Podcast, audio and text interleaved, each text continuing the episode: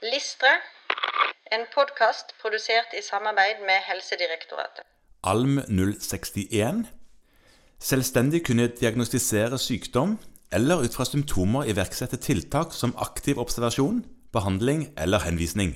Det er jo avgjørende at man faktisk da, i de tilfellene det er mulig, er i stand til å sette en diagnose. Ja, altså dette er jo enten eller. Enten så, enten så klarer du å få til dette her sjøl, eller så er bildet såpass diffust at du krever henvisning.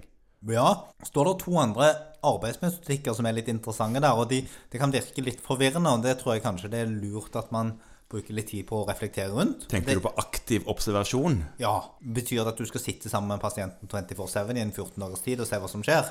Det kan jeg aldri tenke meg. Nei, Nei. det frarådes vel egentlig det, gjør det ikke det? Eh, Jo, jeg tror du først eh, Da får du først og fremst problemer med andre instanser enn eh, Statsforvalteren du tenker på? da. Ja, det, det, jeg tenker på det. Ja.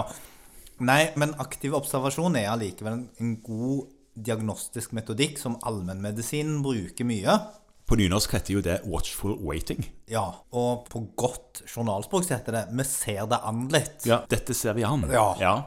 Og det er ganske viktig, fordi at det at du ser an ting og vurderer hvordan ting utvikler seg, er et veldig sterkt diagnostikum. Så det er det ene. Det andre som står der, er merkelig nok behandling. Ja. Ja, Ja. fordi at det er lett å tenke at behandling er noe du gjør etter at du har stilt en diagnose. Men det er fullt mulig i noen tilfeller å drive behandling før du har stilt en diagnose. Ja, som en del av den diagnostiske prosessen din. Ja, for det at noen ganger er det sånn at hvis behandlingen virker, Så var det det. ja, Ja.